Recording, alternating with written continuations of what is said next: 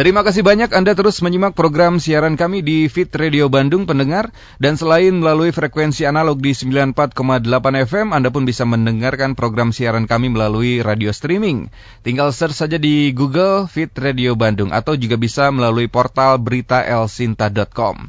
Tidak pernah bosan pendengar kami juga selalu mengingatkan untuk sama-sama berupaya memutus penyebaran COVID-19 dengan tetap disiplin menerapkan protokol kesehatan, memakai masker, menjaga jarak fisik, mencuci tangan sabun dan air mengalir secara rutin, menghindari kerumunan, mengurangi mobilitas, serta tentunya dengan menjaga imunitas tubuh. Jika tidak waspada atau mawas diri terlebih di saat cuaca yang tidak menentu bisa membuat tubuh berisiko terserang gangguan kesehatan. Gejala gangguan kesehatan yang umum terjadi di saat cuaca kurang bersahabat adalah flu, batuk, pilek atau hidung tersumbat yang bisa membuat tidak nyaman dan sulit untuk bernafas. Nah, tapi pendengar, jika hidung Anda tersumbat, namun Anda sedang tidak dalam kondisi flu atau pilek dan juga tidak memiliki alergi pada apa pun, maka wajib waspada. Biasanya, pilek atau flu dan alergi pada hewan merupakan penyebab utama hidung Anda tersumbat begitu. Tetapi penyebabnya tidak hanya itu pendengar. Bisa jadi itu adalah gejala penyakit polip. Gejala polip atau polip hidung umumnya kurang dapat dirasakan ketika masih berukuran kecil. Tetapi bila telah terjadi pertumbuhan multiple atau uh, polip berukuran besar, barulah penderitanya akan mengalami beberapa gejala. Yang pasti saat ukuran penyakit polip tersebut cukup besar, maka kondisi tersebut akan mengganggu Anda saat bernafas. Hal ini karena hidung akan tersumbat sehingga menyebabkan kesulitan untuk bernapas. Pendengar, seperti apa penjelasan lebih lanjut mengenai polip hidung ini? Kami akan menemui Dr. Dr. Sinta Sari Ratunanda, MKes SPTHTKLK dari Departemen THTKL Divisi Rinologi Alergi FK Unpad RSUP Dr. Hasan Sadikin Bandung. Dengan Tio dari Fit Radio, apa kabar dokter? Baik, alhamdulillah. Alhamdulillah. Sudah bertugas, Dok? Iya. Udah. Sudah ya? Tidak pernah tidak bertugas. tidak pernah tidak bertugas on duty terus ya, Dokter ya? Iya. Nah, di tengah pelaksanaan PPKM ini jadwal WFA apakah berlaku juga untuk uh, dokter pribadi, Dok? Oh enggak, kalau untuk tenaga kesehatan hmm. mungkin tidak berlaku WFA ya. Hmm, jadi terus bertugas setiap hari begitu ya, Dok ya? Iya. Sudah mendapat jadwal vaksinasi, Dokter? Sudah. Sudah penyuntikan kedua? Sudah. Oh. Uh, kedua nanti tanggal saya kalau saya mhm. pribadi mm -hmm. tanggal 12. Tanggal 12. Ya. Nah, selama uh, range waktu dari penyuntikan pertama sampai dengan hari ini ada keluhan yang dirasakan dokter atau ada efek samping yang uh, mungkin dokter bisa bagikan kepada gak kami? Ada ya. Gak ada ya? Gak ada, alhamdulillah ya. Hmm, lebih uh, nyenyak tidurnya dokter? Kalau nyenyak tidur dari sebelumnya juga udah nyenyak. Sudah nyenyak ya. iya. Baik, tapi tanggapan dokter mengenai program vaksinasi yang sedang berjalan saat ini seperti apa dok? Mungkin bisa berbagi bersama kami dok? Iya, mungkin uh, hmm. vaksinasi ini sangat diperlukan sekali ya. Hmm, hmm. Kalau kita lihat bahwa angka positivity rate yeah. uh, untuk mendapat COVID mm-hmm. tambah tinggi ya. Yeah, betul. Tentunya kita harus mencari cara. Nah, salah satunya adalah vaksinasi. Mm-hmm. Mm-hmm. Ya, semakin banyak orang yang divaksin, mm-hmm. tentunya kekebalan yang didapatkan semakin banyak ya. Mm-hmm. Sehingga kemungkinan untuk tertularnya semakin kecil. Mm-hmm. Itu kita harapkan ya. Baik. Iya. Baik, semoga memang program ini bisa berjalan dengan lancar dengan baik meskipun memang rentang waktunya masih lama ya dokter ya sampai 2022 kalau kami tidak iya, salah begitu. Iya. Ah, kan harus dilihat mhm. juga ininya apa efek samping efek dan sebagainya samping. ya sambil berjalan jadi yang prioritas dulu mm -hmm. nanti semakin ini semakin keseluruhannya. Baik, iya. semoga bisa membawa kita juga ter, uh, terlepas segera terbebas dari pandemi COVID-19.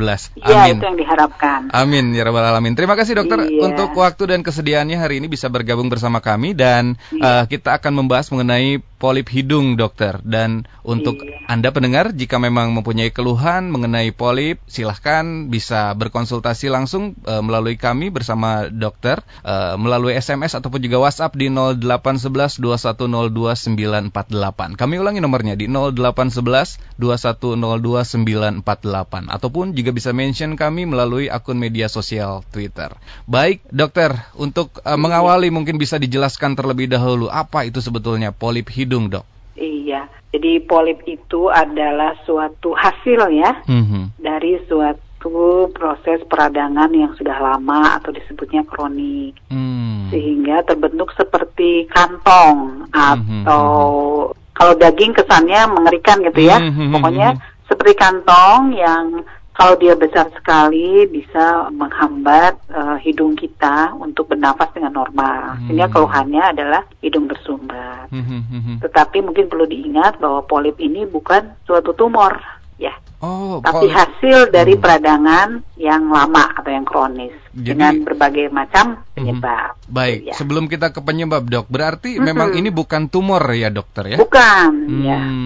Ini kalau tadi dokter mengibaratkan bukan daging, berarti isinya cairan begitu dokter atau seperti apa? Dok? Ada yang sebenarnya bukan cairan juga ya, hmm. uh, isinya ya uh, ini hasil dari peradangan itu sendiri, hmm, baik, Pak, ya semi hmm, hmm, semi inilah semi padat ya, hmm, oh, gitu. Baik baik. Nah, tapi bukan tumor ya. Tapi bukan tumor begitu ya dokter ya? Bukan. Dan ini bisa terjadi di salah satu saluran begitu ya, uh, yang sebelah kanan atau sebelah kiri begitu dokter? Iya. Hmm. Tapi biasanya kalau penyebabnya yang berlaku untuk semuanya, biasanya dua-duanya dengan hmm. uh, yeah, iya. kadar polipnya berbeda-beda, maksudnya besarnya ya, mm-hmm. gitu. Mungkin yang sebelahnya lebih kecil, mm-hmm. yang sebelahnya sudah besar, gitu bisa. Baik. Kalau sebelah saja memang ada juga disebutnya mm. polip yang lain ya, mm-hmm. tapi memang masuk kelompok polip. Jadi bisa satu hidung, bisa iya. dua-duanya, yeah. tapi lebih umum yang terbentuk di dua hidung. Di dua-duanya begitu ya, dok? Ya hidung sebetulnya satu ya, cuma lubangnya. Oh iya lubangnya maksudnya. Jadi kan memang kalau ngerasa hidung yeah. tersumbat itu ada yang lubang sebelah kiri saja begitu ya, yeah. atau iya. yang sebelah kanan saja. Ini bisa dua-duanya begitu ya, dok? Uh, ya? Bisa dua-duanya. Dan hmm. lebih banyak itu yang tersumbat dua-duanya. Hmm, baik. Walaupun satu pun bisa. Gitu. Hmm. Seberapa umum dok polip ini bisa terjadi dok? Cukup banyak ya. Kalau kita lihat bahwa kejadian uh, ini kan awalnya dari tadi ya peradangan di rongga hidung namanya rhinosinusitis. Mm-hmm. Nah, angka kejadian rhinosinusitis kronik itu di seluruh dunia itu cukup bervariasi, mm-hmm. mulai dari mungkin rata-rata sih 11% lah. 10 persen atau 11 persen ya. Baik. Itu hmm, cukup banyak ya. Cukup banyak juga itu. ya, cukup hmm. banyak dok. Nah, ya. dengan rentang usia yang mengalami polip ini di rentang usia berapa mungkin yang, yang rentang? paling banyak dewasa muda sih ya. Hmm. Dewasa muda. Dok, Sesuai. mungkin akumulasi hmm. itu ya yang dokter tadi sebutkan di awal peradangan yang terakumulasi begitu ya. Jadi Ya, yang lama. Jadi yang bukan lama ya baru ya. Hmm, baik. Kalau gejalanya seperti apa dok jika seseorang terkena uh, atau mengidap polip ini dok? Ya, tadi juga saya ingin membenarkan tadi di awal ya hmm, bahwa iya. gejalanya yeah bisa seperti flu biasa ya. Hmm. Flu itu kan bisa bentuknya meler ya, iya, beringus, yeah, yeah. hidung beringus, iya, lalu yeah, yeah. Uh, hidung tersumbat ya. Mm -hmm. Bisa juga uh, ada apa gangguan penciuman, nyeri wajah mm -hmm. itu bisa. Mm -hmm. Cuma yang yang menonjol pada yang polip ini adalah hidungnya yang tersumbat biasanya, mm -hmm. karena kan terbentuk kantong mm -hmm. yang permanen di situ yang mm -hmm. menyebabkan uh, aliran nafas kita untuk bernafas itu terganggu. Mm-hmm. Jadi yang utama memang tersumbat, tapi bisa karena tersumbat dia jadi meler ya, melernya mungkin ke depan, beringusnya ke depan mm. atau tertelan ke tenggorokan mm. ya. Hmm. Yang yang membedakan signifikan antara polip dengan pilek begitu apa, Dok? Ya kalau polip memang di, dari hasil pemeriksaannya terlihat ada kantongnya gitu, hmm, ada kantong polip. Okay, iya. iya. iya. Baik, jadi, jadi ada bendanya gitu ya. Hmm, kalau hmm, pada hmm. yang pilek biasa kan tidak ada normal ininya, cuman hmm. memang lebih produktif oh ininya apa produksi cairannya atau bagian-bagian dari seluruh permukaan hidungnya itu jadi lebih tebal atau membengkak gitu. Baik. Kalau, Kalau ya. polip ya ditemukan ada polipnya gitu. Mm-hmm. Sampai seseorang memang merasa terkena atau uh, apa istilahnya mengidap polip ini, apakah memang hidung yang tersumbat ini berlangsung dalam waktu yang lama, dokter? Jika memang pilek kan iya. biasanya uh, timbul tenggelam begitu, dokter? Kadang. Iya betul. Nah, seperti ya, apa dok? Dirasakannya jadi rata-rata pasien berobat karena hidung tersumbatnya kok nggak sembuh-sembuh ya. Hmm. Terus menerus ada gitu. Hmm. Hmm. Jadi baru ke dokter. Kalau kita pilek biasa kan, mm-hmm. bisa juga tersumbat, tapi nanti kalau udah sembuh kan hilang ya, mm-hmm. sumbatannya jadi nafasnya udah kembali. Berarti kalau ada polip ya nggak bisa, mm. karena polipnya masih ada di situ ya. Iya iya. Berapa hari dok mungkin kalau sembuh uh, pilek rata-rata mungkin yang saya alami uh, sampai betul-betul sembuh seminggu begitu ya dokter ya? Iya. Berarti kalau iya lewat dari situ harus diperiksa begitu ya dokter ya? Ya, uh, kalau batasannya secara ilmiah sih lebih dari 12 minggu ya disebut peradangan yang kronis oh, ya. baik. Lebih dari lebih 12, dari 12 minggu ya, ya? 3 bulan. Oke, berarti sekitar tiga bulanan ya, ya dokter ya. kalau terus mm -hmm. aja tersumbat gitu ya harus mm -hmm. Baik, dilihat, baik. Ya. Terima kasih penjelasannya. Berlanjut kita sekarang penyebab mungkin dokter yang bisa dijelaskan dan atau faktor risiko apa yang sebetulnya bisa membuat seseorang ini mengidap polip, dok? Ya betul. Tadi kan pada dasarnya itu adalah suatu peradangan mm -hmm. yang lama. Jadi penyebabnya bisa macam-macam. Mm -hmm. Bisa karena alergi ya. Tadi mm -hmm. uh, yeah. disebutkan di awal alergi terhadap binatang sebetulnya uh, bukan ya. Secara mm -hmm. umum alergi mm -hmm. di daerah Asia dan di dunia secara umum adalah alerginya paling banyak terhadap debu hmm. dan tungau. Tungau itu binatang kecil yang nggak kelihatan sama mata kita, hmm. biasa bergabung hmm. dengan debu ya, hmm. yang bisa ada di tempat-tempat yang berbulu ya, hmm. atau hmm. permukaan-permukaan yang berbulu seperti itu. Hmm. Uh, pada minat uh, alergi terhadap produk dari binatang juga bisa, misalnya hmm. terhadap bulu-bulu hmm. apa dari Hewan, bulu ya? dan hasil produk hmm. dari kucing, hmm. Dari hmm. anjing ya dan hmm. sebagainya atau dari serbuk sari bunga-bunga tertentu hmm. atau tumbuhan tertentu tapi itu tidak umum untuk di negara Asia. Mm-hmm. Jadi yang paling umum adalah debu dan tungau tadi. Ya. Debu dan tungau. Bukan kutu ya, bukan kutu yang kelihatan seperti kutu oh, gitu, baik. seperti kutu rambut bukan ya. Iya, iya, Ini tungau yang tidak terlihat uh, terus kasat penyebab lainnya mungkin sering mm-hmm. ini, sering uh, infeksi ya. Misalnya sering pilek nanti mm-hmm. sembuh lagi, pilek lagi. Nah, itu kan lama-lama jadi kronis ya. Mm-hmm. Nah, itu juga bisa memicu timbulnya uh, itu polip oh, okay. ya. Yeah, Dan sebab-sebab yeah. lain banyak. Misalnya sering sekarang diduga sering uh, bahasa umumnya mah hmm. ya. Nah, mah yang berlebihan itu bisa mencapai daerah tenggorokan, bahkan sampai yeah. ke belakang hidung dan sampai ke hidung. Mungkin itu memicu jadi peradangan yang lama di sana sehingga timbullah polip. Oke, okay, itu. Mah, Memang juga bisa, walaupun ya? uh, hmm. masih banyak seringnya adalah karena alergi gitu. Hmm, baik. Ini ya secara umum. Hmm. Baik. Faktor akhirnya luka ataupun juga benda asing yang masuk bisa jadi pemicu juga, Dok. Uh, bisa kalau misalnya luka atau benda asing yang masuk itu hmm, uh, hmm. menimbulkan proses peradangan yang lama. Hmm. Benda asingnya ada yang tertinggal lama di sana nggak diambil ya, yeah. karena itu bisa. Hmm. hmm. Walaupun jarang ya, hmm. jarang sekali ya. Rata-rata berapa tahun dok sampai akhirnya polipnya mengganggu uh, pernafasan begitu dok? Dibutuhkan berapa lama begitu prosesnya dok?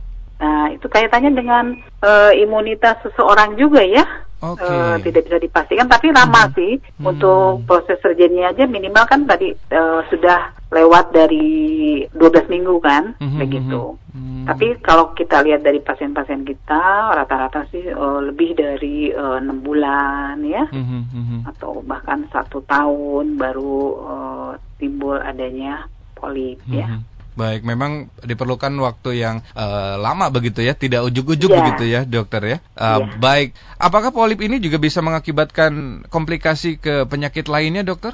Oh bisa. Seperti Kalau apa, kita dok? lihat kan mm -hmm. itu letaknya di hidung ya. Iya, iya letaknya di hidung. Hidung kita itu kalau kita lihat aja kita uh, amati di cermin itu kan dekat dengan organ mata ya. Mm-hmm. Di bagian atas itu ada otak kita. Jadi mm-hmm. kalau prosesnya berlanjut, peradangannya berlanjut bisa menyebabkan misalnya nih penyebaran bukan penyebaran sebetulnya ya, mm-hmm. dia mhm. meluas sampai mendesak perbatasan ke daerah mata. Nanti matanya jadi menonjol atau ada sesuatu mm-hmm. ya. Atau yeah, nanti yeah. karena besarnya misalnya sampai eh, lapisan-lapisan uh, dari dasar otak kita terganggu atau mm-hmm. -huh. tertembus ya, bukan mm-hmm. -huh. tembus sih, maksudnya menyebar uh, uh, meluas ya? gitu ya. Hmm, uh -huh. Iya baik. Itu yang komplikasi yang agak mm-hmm. -huh. kita khawatirkan ya. Mm-hmm. Baik. Tapi untuk masyarakat awam berarti gejala atau tanda seseorang uh, mengalami polip ini adalah sumbatan uh, hidung begitu ya, yang yang memang terjadi ya, dalam kurun waktu yang lama begitu ya dokter ya. Betul. Baik, pendengar jika Anda mempunyai keluhan yang sama silahkan bisa berkonsultasi langsung bersama dokter hari ini. Kami ulangi lagi nomornya di 0811 2102 Baik dokter, kapan seseorang perlu memeriksakan atau merasakan uh, perlu diperiksa berkunjung ke dokter begitu untuk memeriksakan polip ini dok atau uh, saluran di hidung begitu dokter? Iya, sebetulnya kalau ada hidung tersumbat lebih dari Hmm, kalau yang hidung tersumbat karena oh, pilek biasa ya, yeah. itu biasanya kan 10 hari lah maksimalnya sudah perbaikan gitu. Mm-hmm. Jadi kalau lebih dari itu sebaiknya mulai ke dokter ya, atau mm. ada tanda-tanda misalnya benar-benar nggak bisa bernafas lewat hidung, harus sampai membuka mulut itu sudah harus hmm. perlu ke dokter untuk diperiksa. Mungkin hmm. belum tentu polip hidung dan yang ada hmm. yang lain ya. Yeah, yeah, Tapi yeah. ya sebaiknya mulai diperiksa. Kalau lebih dari 10 hari ya, hmm. kita mengadakan pengobatan hmm. sendiri tidak ada perbaikan, sebaiknya diperiksa. Hmm. Baik, terima kasih dokter penjelasannya dan jika memang sudah terdiagnosis begitu ya, dokter, hmm. ini langkah pengobatannya seperti apa, Dok? Tindakan medisnya begitu?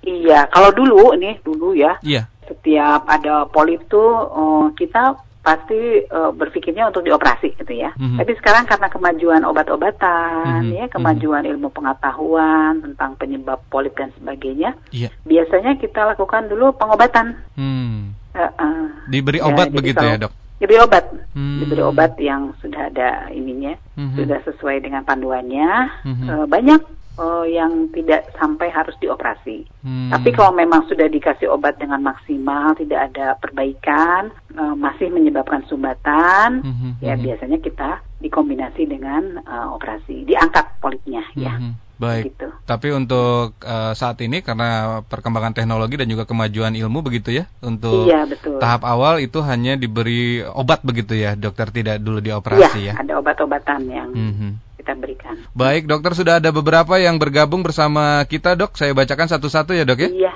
silakan. Ada dari 0857 378 sekian sekian. Dokter, saya sudah lama mengalami hidung tersumbat, tetapi terkadang hilang dengan sendirinya. Saya masih bisa mencium aroma makanan, tapi harus jarak yang sangat dekat. Ada hal yang bisa dianjurkan untuk mengurangi gejalanya, dokter? Terima kasih. Iya ya itu sih jelas ya harus diperiksa dulu hmm. uh, apa penyebabnya. Apalagi kalau ada hilang timbul, mungkin bukan polip ya, tapi yang hmm. lain yang paling mungkin uh, ada sering infeksi berulang atau alergi penyebabnya hmm, ya, rinitis alergi. Iya, iya. Tadi. Dan iya. sekarang ya gitu, obat-obatan sudah lebih maju. Rinitis alergi pun sudah bisa mulai dikendalikan atau mm-hmm. disebutnya dikontrol ya hmm, begitu baik. jadi memang harus di ini di apa diperiksakan, diperiksakan ke dokter ya? THT mm-hmm, ya mm-hmm. jangan didiamkan aja karena nanti kalau hidung tersumbat on off gitu mm-hmm. e, tidak diobati bisa memicu timbulnya penyakit yang lainnya kalau misalnya dia alergi ya misalnya yeah. berhubungan dengan asma mm-hmm. ya atau mm-hmm. penyakit kulit ya mm-hmm. yang gatal-gatal yang berhubungan dengan alergi dan sebagainya mm. jadi sebaiknya mah diperiksakan atau memang mungkin udah timbul polip yang kecil itu bisa hmm. uh, bisa kita upayakan dengan pengobatan terlebih dahulu. Baik. Polip yang kecil bisa hilang timbul begitu ya sumbatannya ya dok? Kalau hilang timbul enggak ya, jadi, hmm. jadi kita bisa cegah dia supaya tidak menjadi besar ya. Oke, okay, baik.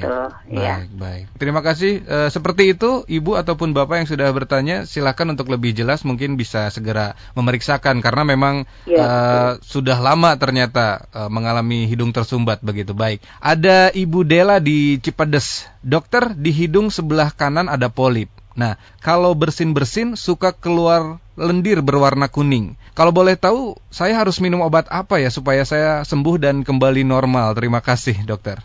Iya. Ya ini pertanyaannya klasik ya. Iya. Pada dasarnya kita sebagai pasien kan inginnya iya, iya. langsung segera sembuh tanpa harus diperiksa ya. Iya betul. Apalagi zaman pandemi. Pandemi begini, begini ya dok ya. Nah itu nggak bisa uh, hmm. cara berpikir bahwa hmm. dengan uh, menanyakan obat saja tanpa diperiksa inginnya sembuh gitu. Hmm, iya iya iya. Apalagi itu udah ada uh, cairan yang berwarna kekuningan, takutnya ada infeksi ya.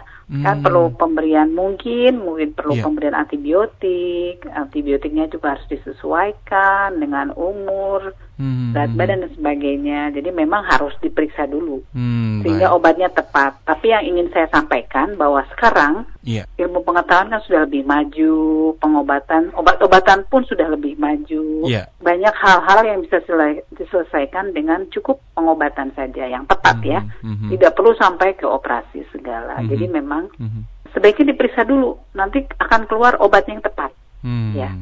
Baik, memang tidak bisa uh, apa namanya mendiagnosa dengan mudah seperti ini ya, ya dok ya. Uh, iya betul. Tapi Dan, kalau tadi ada bersin-bersin, mungkin ya. memang ke arah uh, rinitis alergi okay. ya. Mungkin saat ini sedang terinfeksi sehingga ada mm -hmm. cairannya yang berwarna Mm-hmm. Begitu. Baik, dokter.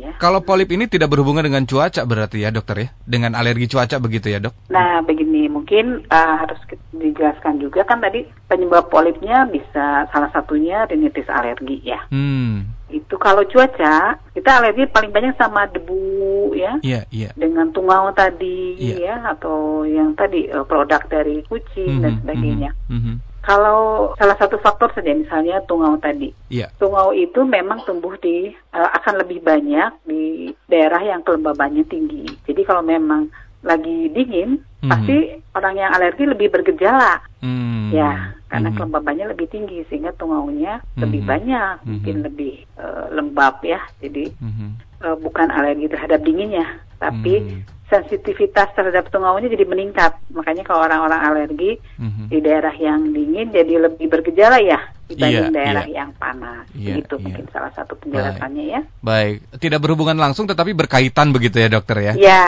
mm-hmm, ya jadi lebih lebih lebih sensitif gitu ya. Mm-hmm. Dok, ini ada gigitan tungau maksudnya atau uh, ada jenis tungau yang khusus begitu dok? Oh untuk... bukan, bukan dari gigitan tapi dari terhirup. Oh terhirup. Oh. Iya jadi... terhirup, tungaunya tuh terhirup. Masuk begitu ya, ya dokter ya? Iya terhirup. ya? uh, uh, lewat jalan nafas ya. Itu oh, juga baik. debu juga kan terhirup sehingga menimbulkan gejala. Hmm, baik, jadi bukan gigitan tungau tapi tungaunya bukan. masuk eh, terhirup dan tinggal di dalam saluran hidung itu begitu ya, Dok ya? Iya, dia menimbulkan gejala di sana ya. Jadi hmm. bukan memang sih gambar apa gambarnya seperti kutu ya, mm, mm, mm. tapi dia yeah, lebih kecil begitu ya. Gigit. Oh, Oke, okay, baik baik. Jadi memang bukan bukan dari gigitan begitu ya? Bukan, tapi terhirup. Oh ya. baik baik. Terima kasih dokter penjelasannya. Kita berlanjut lagi dok. Uh, tidak disebutkan namanya ini. Permisi dokter, saya setiap kali kecapean sering mengalami nyeri di tulang rawan hidung sebelah kanan dan saya tidak bisa membawa apa-apa begitu. Tetapi setelah dibiarkan sembuh sendiri. Saya hanya ingin tahu apa yang dialami tubuh saya setiap kelelahan dok. Begitu. Terima kasih. Iya, uh, ya faktor kelelahan, mm-hmm. stres itu berpengaruh ya. Oke, okay, Terutama pada penyakit-penyakit yang dasarnya mm-hmm. tadi alergi ya. Mm-hmm. Mm-hmm. Jadi mungkin salah satunya kalau kita lagi terlalu capek atau oh, mm, banyak yeah, beban yeah. pikiran atau pekerjaan lagi menumpuk yeah. gitu ya. Itu uh, kalau kitanya alergi terhadap yang tadi bahan-bahan yang terhirup yeah. akan memperberat mm. ya akan memperberat gejalanya. Nanti hidung kita akan lebih aktif mengeluarkan cairan ya. Mm-hmm. Jadi mm-hmm. lebih tersumbat gitu mm-hmm. ya. Kan kalau kita lagi ada lagi sedih atau apa kan jadi hidungnya jadi sering ke seperti pilek ya. Iya, meler gitu. begitu ya, Dok ya. Nah, itu salah satunya karena iya. hidung kita juga dipengaruhi oleh persarapan hmm. yang berhubungan dengan emosi, stres dan sebagainya. Hmm. Begitu. Baik, berhubungan juga dengan yang dokter sampaikan di awal adalah uh, imunitas begitu ya. Ketika iya, seseorang merasa atau terlalu capek begitu ya, beban pekerjaan atau stres pikiran, ya imunitas juga akan menurun. Mungkin seperti itu penjelasannya ya, Dok ya. Iya, betul. Hmm, baik, baik. Terima kasih, Dokter. Ada Bapak Rudi di Supratman. Mohon tanggapan dokter terkait gangguan penciuman dengan gejala baru dari COVID-19, Dok. Oh, iya. Jadi memang salah satu gejala dari uh, COVID-19 adalah adanya anosmia atau gangguan, gangguan penciuman, penciuman ya. iya, baik. Atau kalau turunnya penciuman namanya hiposmia. Karena memang si uh, virusnya ini pintu pertamanya adalah di daerah hidung. Hmm. Nah, daerah hidung itu, fungsi hidung itu salah satunya selain bernafas juga untuk mencium. Bukan hmm. mencium ya, kalau bahasa yeah. Indonesia menghidu, menghidu ya. ya. Kalau mencium kayaknya kesannya gimana gitu. menghidu namanya menghidu, ya. ya. Baik, dokter. Menghidu, membaui hmm. sesuatu gitu. Hmm. Jadi hmm. memang terletak ujung dari saraf-sarafnya untuk mendeteksi bau itu di dalam hidung kita. Hmm. Nah, virus ini kan memang uh, menyerangnya saluran pernapasannya mm -hmm. begitu. Mm -hmm. Jadi dia bisa menyebabkan uh, peradangan di mm -hmm. salah satu uh, di tempat-tempat untuk uh, membaui uh, penghidu itu. Mm -hmm. Makanya timbul gangguan penciuman keluhannya mm -hmm. gitu.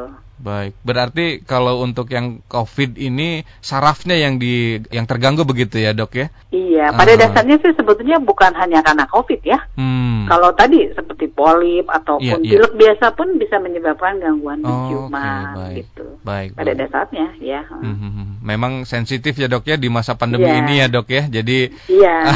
karena fungsi hidung kita tuh bukan hanya Betul. sekedar untuk hmm. bernafas tapi juga bisa Betul. mengenali bau-bauan. Hmm, betul baik. Di tengah masyarakat juga banyak uh, ketakutan begitu, kekhawatiran ketika mulai agak hilang indera penghidu begitu ya. Iya uh, betul. khawatirnya, waduh, jangan-jangan COVID begitu. baik. Iya betul, betul. Begitu Pak Rudi di Supratman tanggapan dari dokter. Ada Ibu Lia di Cinunuk dokter. Kalau lagi pilek terkadang suka mampet di sebelah saat posisi tidur dan tapi bisa berpindah ke sebelah lainnya. Tapi kalau mau dikeluarkan tidak bisa, Dok. Kenapa ya? Mungkin bisa ya, ditanggapi betul. dokter.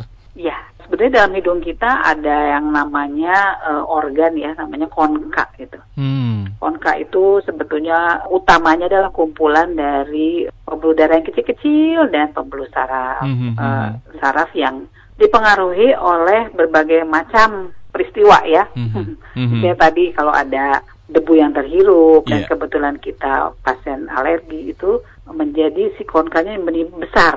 Hmm. Tapi bukan polip ya, mm -hmm. nah, yeah, menjadi yeah, besar yeah. sehingga tertutup. Atau kita lagi stres, kita lagi hmm. mau ujian, mau banyak kerjaan atau apa itu juga bisa membesar dan banyak hmm. faktor karena itu dipengaruhi oleh keadaan tubuh kita oleh berbagai macam hmm. uh, peristiwa tadi ya. Hmm. Hmm. Jadi memang nggak e, bisa dikeluarkan karena hmm. itu bagian dari tubuh kita yang membesar. Nanti kalau hmm, penyebabnya sudah berkurang, misalnya debunya iya. nggak yeah. banyak lagi hmm. atau stresnya udah berkurang, dia akan ngempes sendiri. Hmm. Gitu. Membengkak begitu ya dok ya? Yang Iya membengkak namanya konka. Kita konka. bisa lihat tuh bercermin hmm. kalau ke ke di cermin tuh dilihat aja ada yang menonjol ya seperti daging. Nah, hmm. Nah itu namanya konka bukan polip. Oke okay, baik. Jadi memang bukan lendir makanya nggak bisa dikeluarkan begitu ya dok ya? Iya lendirnya hmm. biasanya tertahan kalau konka kita besar kan. Baik terima kasih dokter. Ada Ibu Yani di Lembang.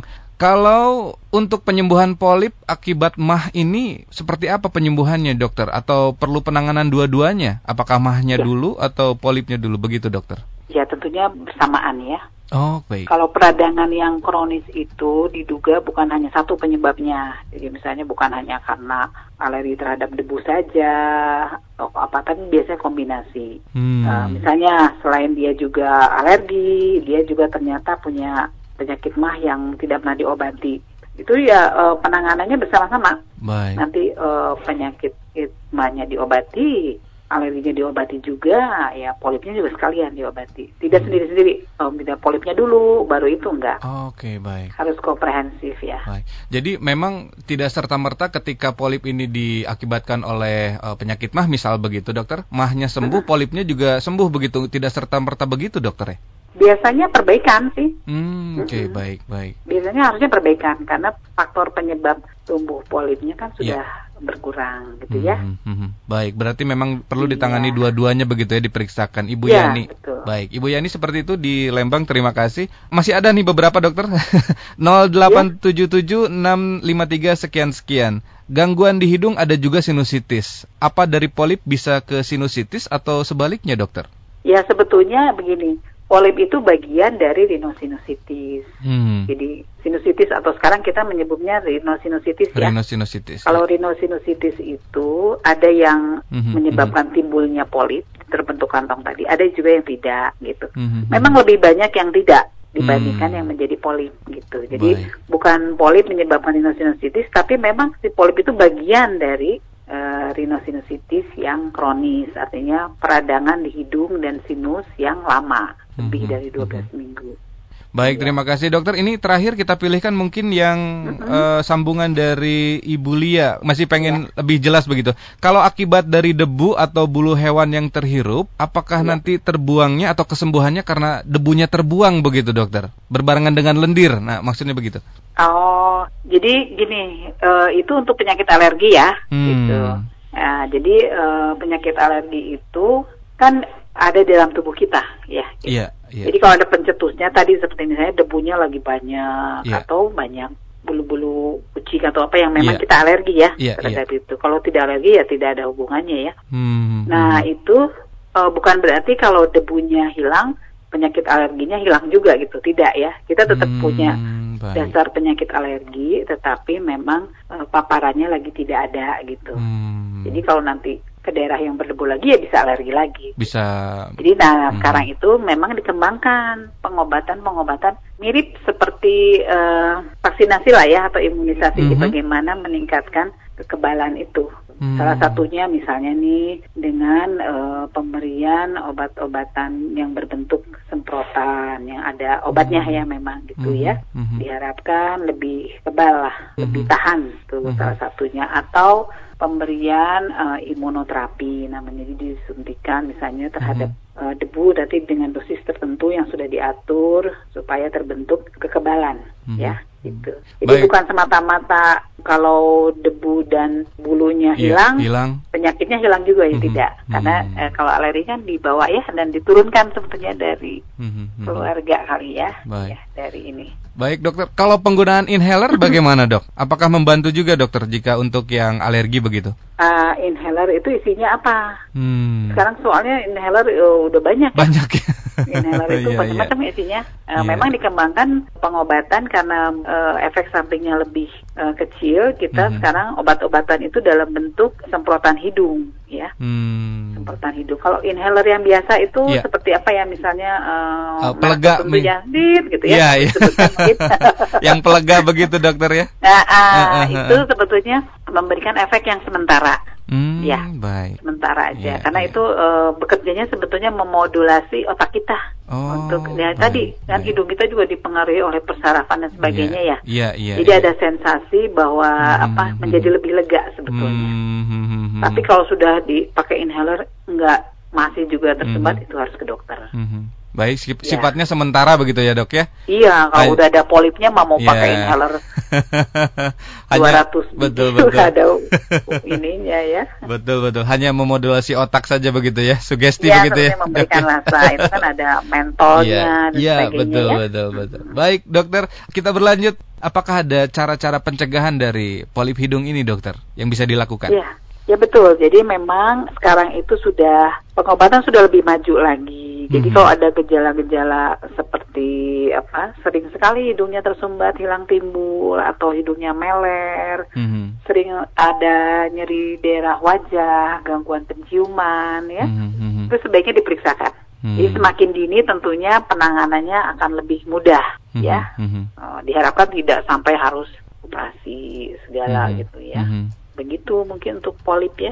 Mm-hmm. Jadi mengenali bahwa hidung kita itu ada sesuatu yang apa gejala yang terus menerus timbul atau uh, atau hilang timbul yang uh, sering sekali timbul. Nah sebaiknya mm-hmm. diperiksakan. Misalnya hidungnya tersumbat, yeah. hilang timbul. Kalau lagi dingin dia mampet. Mm-hmm. Nah kalau lagi lagi terang baik. Nah itu mungkin hmm. perlu diperiksakan supaya hmm. bisa di, di ini secara dini, Baik. diobati secara dini, hmm. sehingga tidak timbul tuh kantongnya yang berbentuk seperti hmm. polip itu. Baik. Uh, lingkungan juga bisa membentuk ini, dokter. Apakah ya, betul. bisa mencegah? Uh, lingkungan ya? sangat berpengaruh ya. Kan hmm. Kan tiga faktor ya. Lingkungan, tubuh hmm. kita sendiri, sama penyebabnya. Nah, lingkungan tuh misalnya nih polusi, ya, hmm. polusi kendaraan bermotor misalnya, hmm. hmm, hmm. atau asap rokok. Nah, hmm. itu berpengaruh terhadap kejadian terbentuknya polip ya.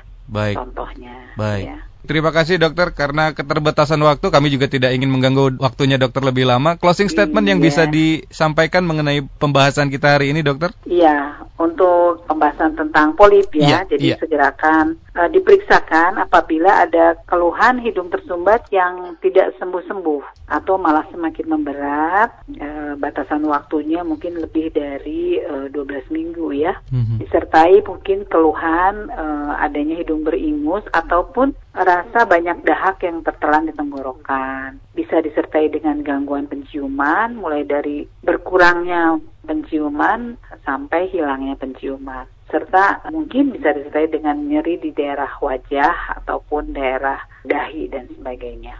E, segera periksakan ke dokter THT karena semakin dini kita temukan penyebabnya, polip hidung itu akan lebih mudah ditangani dan tidak berlanjut sampai harus memerlukan operasi ya. Tentunya memerlukan biaya dan apa pengobatan yang lebih mengandung bahaya dan komplikasi ya begitu. Baik, terima kasih. Pencegahan selalu lebih baik begitu ya dokter ya? Iya betul. Terima kasih banyak dokter untuk waktu dan kesediaannya bergabung bersama kami hari ini. Semoga tidak Sama-sama. pernah bosan untuk selalu mengedukasi ya dok ya. Iya. Sehat selalu dokter, selamat beraktivitas, terima kasih. Demikian pendengar perbincangan kami bersama Dr. Dr. Sinta Sari Ratunanda, MKes SPTH TKLK dari Departemen THTKL Divisi Rinologi Alergi, FK Unpad RSUP Dr. Hasan Sadikin Bandung. Semoga perbincangan kami bisa memberikan edukasi dan meningkatkan kesadaran kita akan pentingnya kesehatan serta penerapan gaya hidup yang sehat. Anda pun bisa kembali menyimak setiap episode kami bersama para narasumber melalui podcast Spotify di Fit Radio Bandung. Tetap fit, tetap sehat, tetap semangat fit listener listeners and stay fit for life.